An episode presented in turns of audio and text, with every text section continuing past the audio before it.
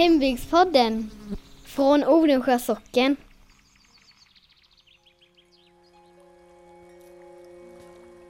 När möllan sökte skjuta sjörået. Det var en möllare här uppe vid Önnekvarn som hade för sig att han hade sett sjörået. Det talade han om för möllarfolket, men han kanske gjorde för dem.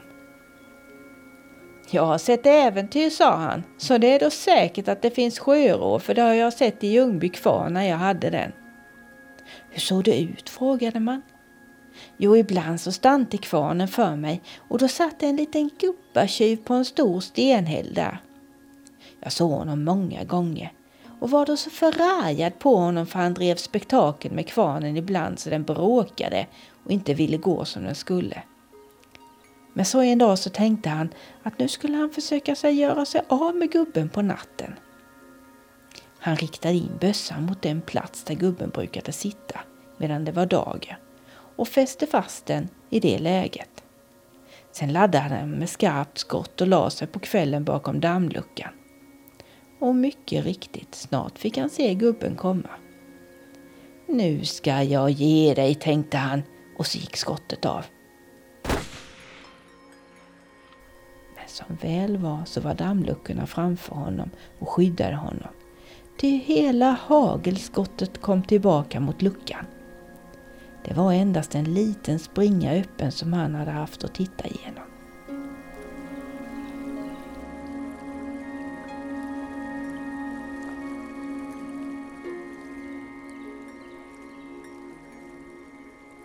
Ja, välkomna till Hembygdspodden igen. Den här podden den görs ju av, av oss i Hembygdsföreningen här och ibland får vi väldigt roliga uppdrag. Vi hade ett för inte så länge sedan. Ja, vi var ute på riktigt hembygdsuppdrag. Mm. Det, det, är ju en av de roligaste grejerna som kan hända. Det är ju när någon, någon människa hör av sig och säger ja, jag tror att jag har släktingar här i bygden. Ehm, de, skulle, de heter så eller så och ja, vet ni någonting om dem? Finns det några släktingar kvar? Var kan de ha bott och sådär? Mm. Och så kan man hjälpa dem med det. Det är jätteroligt. Vi har haft amerikaner här som fick hitta sin ursprungsgård och är helt saliga över det. Mm. Och denna gången så hade vi besök från Växjö. Och det var Eva Ståhle som kom som är, som är släkt med, med Skrädda Ståhle som vi berättade om i förra podden och som vi ska fortsätta berätta om idag. Eller låta honom berätta också, för han, det är hans historia vi har med. Men Eva var väldigt glad i alla fall. Ja. Vad sa du? Du snurrar i huvudet. Ja, nu är det mycket namn och, och årtal och det är så häftigt att höra med om detta. Det är det? Ja, det är riktigt häftigt. Vad är det som är häftigt? Och komma här som, som femte generationen och få se var eh, släkten bodde för någonstans och se huset och ja.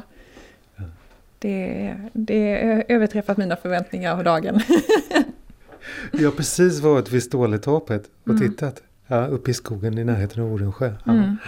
Ja, det var häftigt att få gå den här lilla vägen upp och, och se torpet. Eh, de har bara sett en, en väldigt dålig bild i, från en tidningsartikel en gång för länge sedan.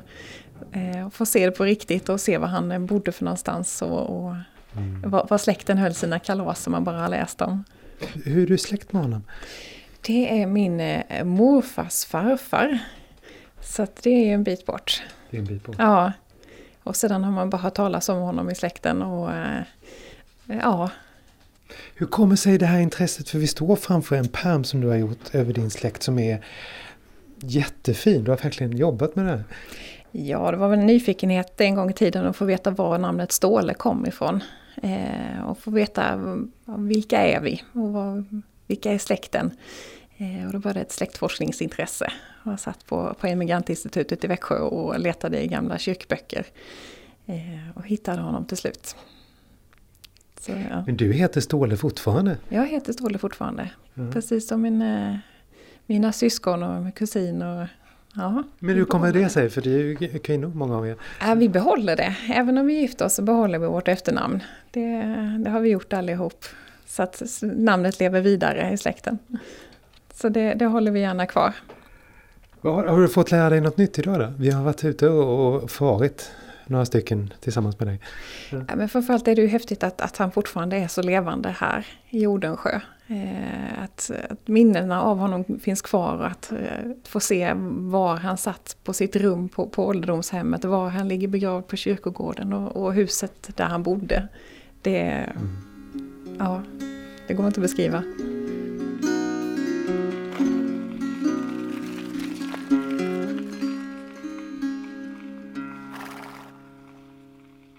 Men du, vi pratade ju om Ståle förra gången, men för alla som inte har hört det. Vem var skräddar Ståle som bodde här i, i Odensjö?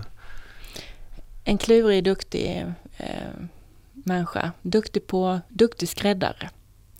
Och han var ju även mekaniskt intresserad så han höll ju på med, gjorde klockor och, och var tandläkare och diverse annat kan jag tänka mig. Och en fantastisk berättare. Mm. Och vi har alltså massa nedskrivningar av Skräddarståle från Folklivsarkivet för det var folk ute här och intervjuade honom.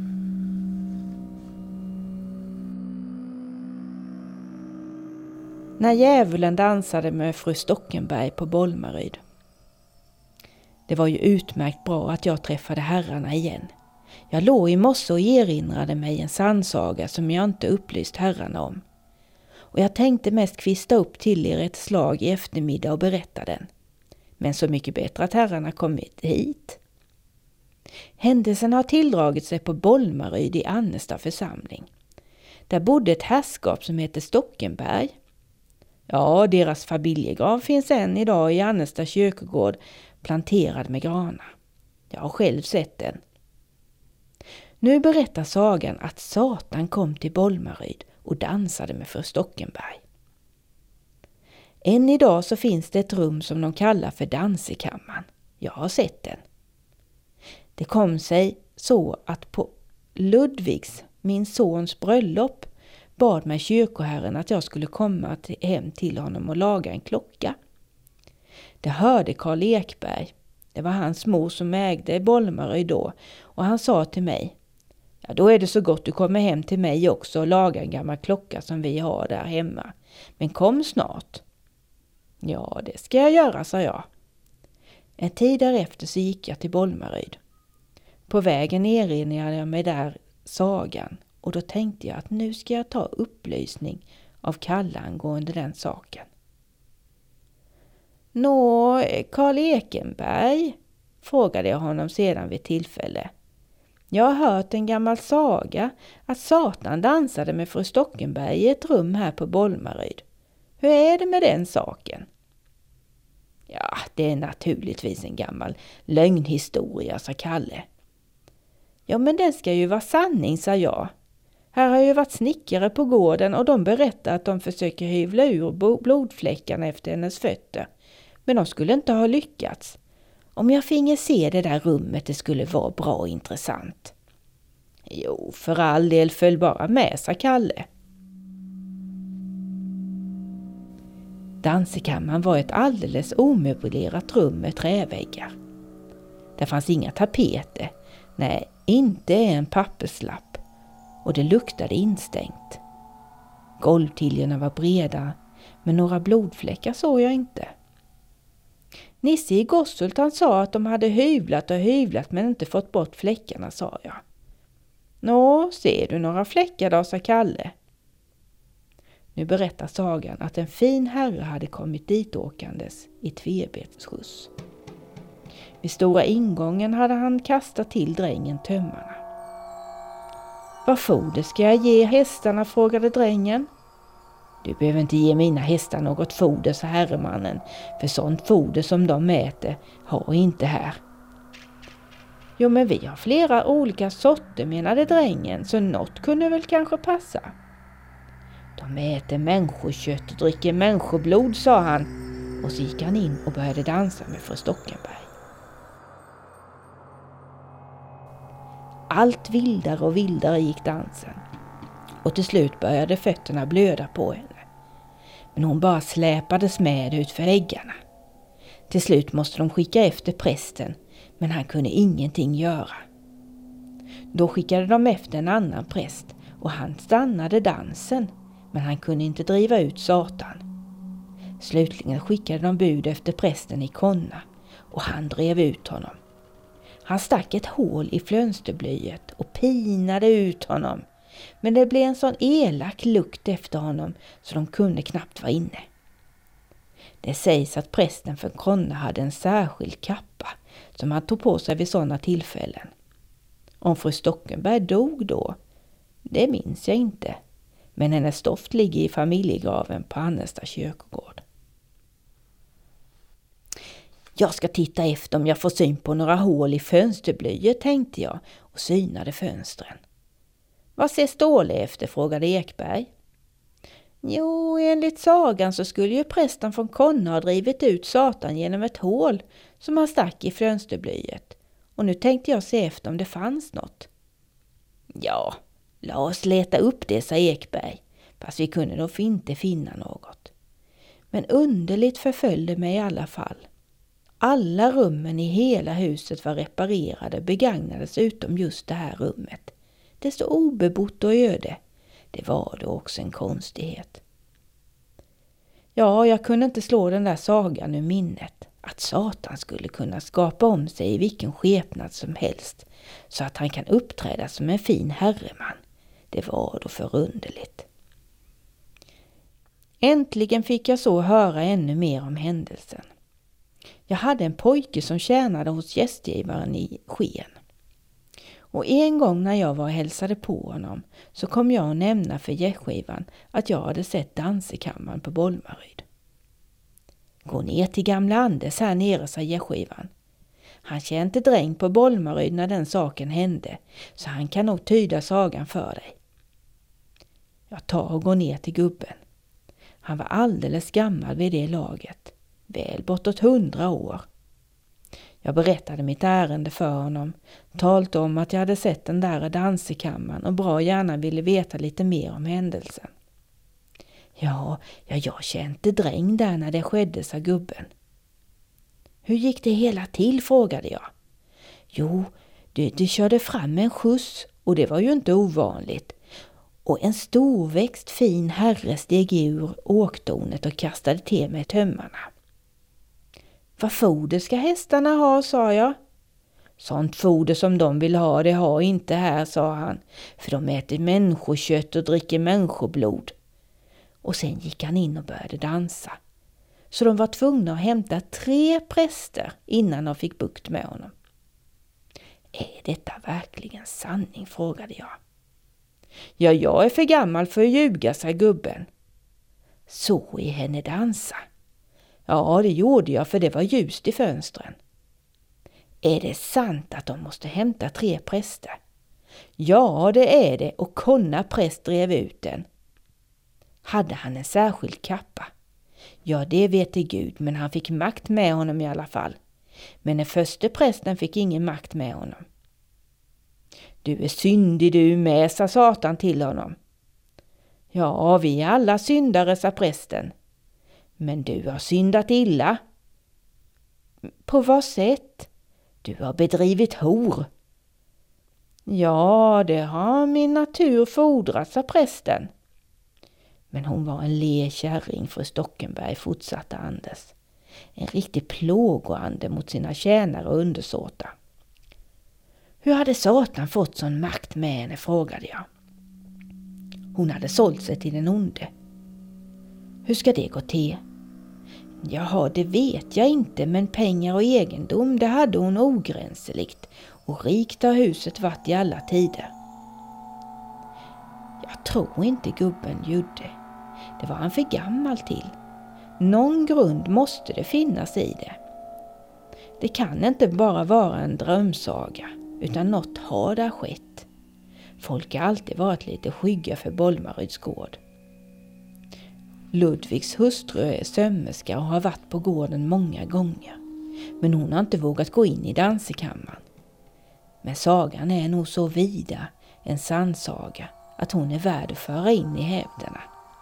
Det är väl bortemot 20 år sedan jag talade med gubben som var dräng där och han var då emot 100 år gammal. Jaha, det är underligt att Satan kan få en sån makt med människan. Det har jag tänkt på många gånger.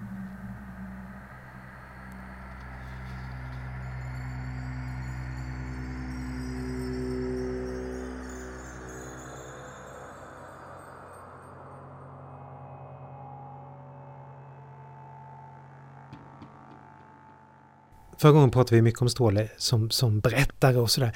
Och idag ska vi följa med honom ända fram till eh, hans sista resa kan man säga. Ner till ålderdomshemmet. Och sen ner till kyrkogården. Och ska vi få höra om det där skottet vi pratade om förra gången. Vi har i alla fall träffat Ståles barnbarn Rut. Och hon berättar här om sin morfar när han började komma på ålderns höst. Jag han var nog 95 år innan han vägrade att flytta till ålderdomshemmet. Men till slut så sa, gick han med på att på, på vintern kan han vara där. Men på sommaren ska han vara till stugan. Men han var, det var en jädra gubbe egentligen. Tänk att han, när han skulle till ålderdomshemmet så sa på ett villkor skulle han flytta dit. Och det var om han fick hörnrummet så vet de mot kyrkan till. Och det hade Frida på Lönelund hade haft det i alla år. Tror du inte hon fick flytta för han skulle dit? Så han fick det rummet, det är ju orättvist. Jaha, ja, ja. Så han flyttade in där. Det var där han skrämde Berta. Hur då? Hur då? Ja, det är egentligen skam att säga det egentligen, men han tyckte inte om... Frida var förstånderska, men så var det en som hette Berta som var intagen. För hon hade eksem. Hon var prickig så stor hon var. Och morfar tyckte ju inte om henne. Han var egentligen estet så han tyckte om det som var snyggt och så. Och han sa hon får inte komma in på hans rum. Så ska det städas så ska Frida göra. Men det sa Berta ifrån att ska jag städa de andra så ska jag ta åt stålet. Det ska inte han bestämma själv. Så hon kom in. Och han sköt.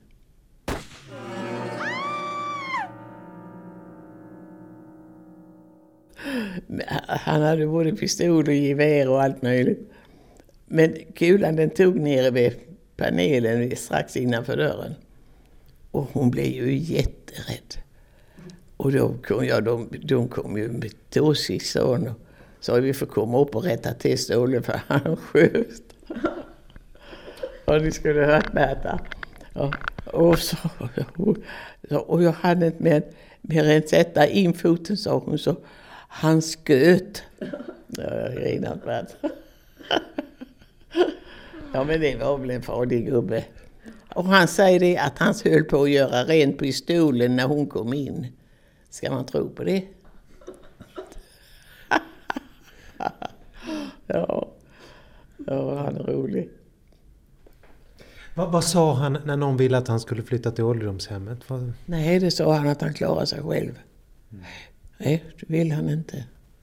Är han förbannad eller? Ja, nej då, men han sa ifrån att, jag, att det bestämmer jag själv var jag vill bo.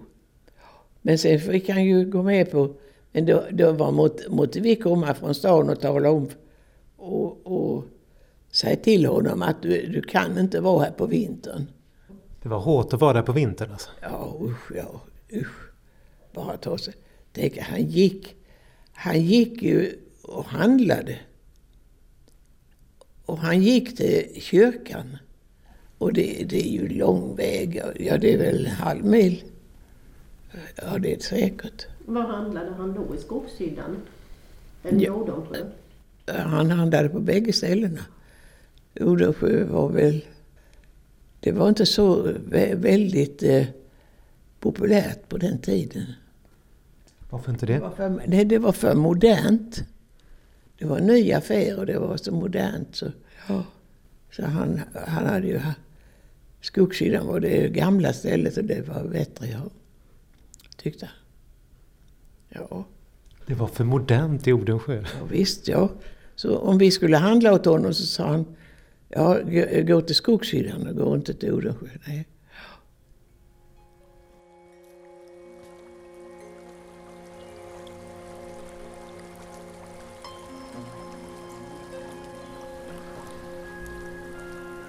Vilsegång, orsak och botemedel.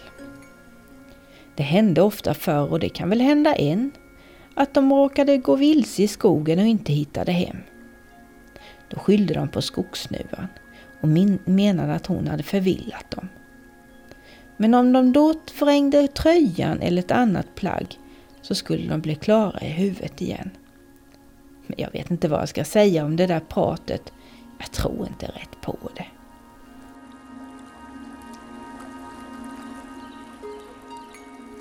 Skogsnuvan. Min mor som var född i Björkenäs talte ofta om att de gamla gubbarna brukade bränna kära. Ja, som pojke var jag till och med med själv och brände.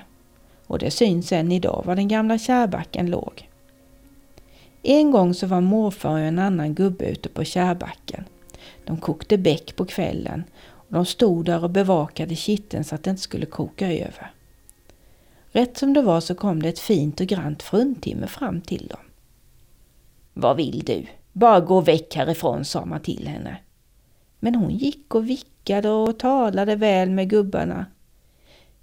Gå dit din satan, annars ska jag hjälpa dig härifrån. Här har du inte att sno morfar till henne. Då vände hon sig om för att gå och då fick man se att hon var ihålig där bak. Då tog han en skopa bäck och slängde i henne och hon sprang sin väg och skrek så det ekade. Min man Jonte, kola kär, brände upp min konte. Då svarte det långt ut i skogen. Själv gjort är väl gjort.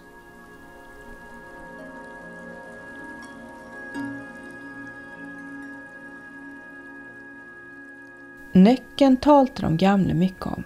De trodde att han var farlig. Så till exempel när man skulle bada så satte man först stål i vattnet för att skydda sig för näcken. Och strax här intill så är det en bäck som kallas Nöckabäcken, där man trodde att nöcken höll till. De gamla var så rädda för bäcken så de trodde knappt komma i närheten av den.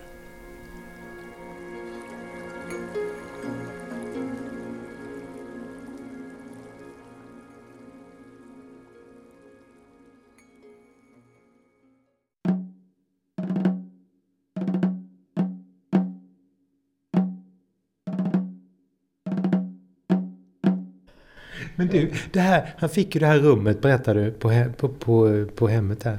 Men hans begrav... Ja, han, han, han valde sin eh, begravningsplats också har jag hört talas om. Ja, då han, han, han stod och stötte med sin käpp under björken och sa att här ska jag ligga. Och där ligger han.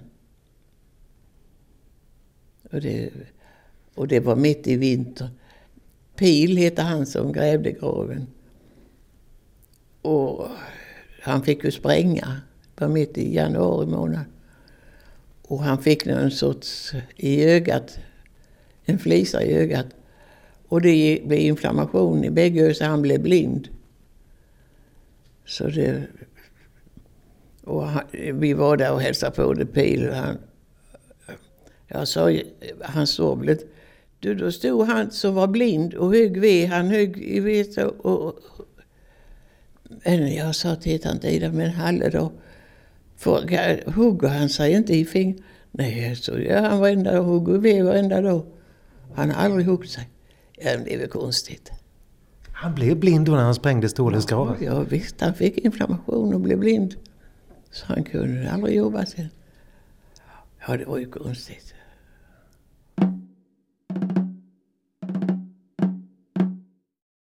Det är en förfärlig historia om dödgrävande som blir blind. Ja, stackarn. Va? Bara skulle gräva en grav och så blir det så eländigt. Han kunde hugga ved i alla fall, det får man ju liksom... Det får ju vara bra det. Men nu vilar i alla fall Ståle här uppe för alla ni som är nyfikna under Stora Björken. Uppe till vänster när man kommer in på kyrkogården i Odensjö. Död 1939. Nu har ni ju hört om det här skottet. Mm.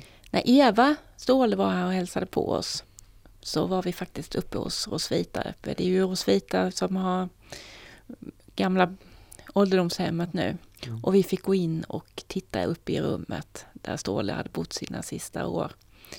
Men Nej, vi hittar ju inget. nej, Mm. vi hittade inget skott. Hittade Jag letade ner vid golvet och uppe Ja. vid panelen för de säger ju någonting om panel här. Ja, jag tror de måste, ja de har ju säkert renoverat om några gånger där så det har väl försvunnit någon gång.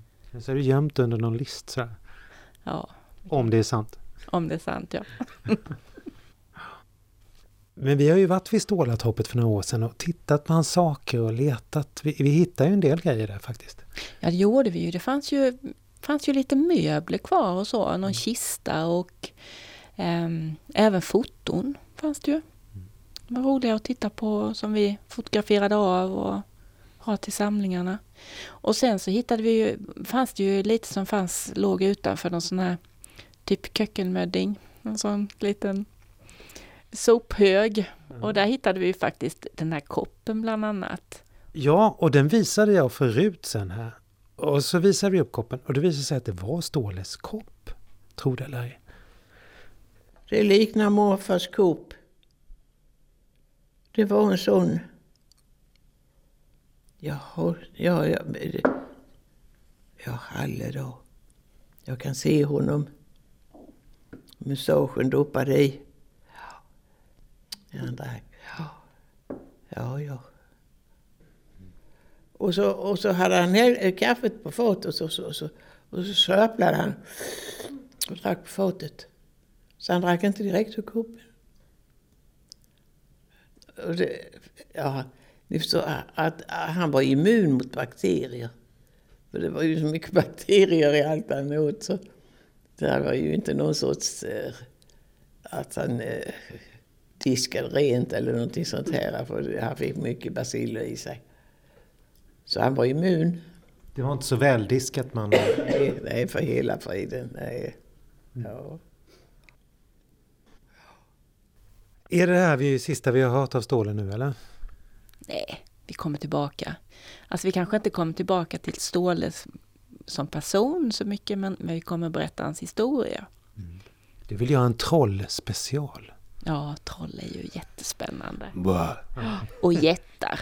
Jättarna får vi ha med Ja, då. jättar måste man ha en podd. Ja. Jättar och troll. Så fortsätt lyssna på Hembygdspodden så får ni läskigheter så det räcker hela året runt kan man säga. Vi hörs igen om 14 dagar. Hej då!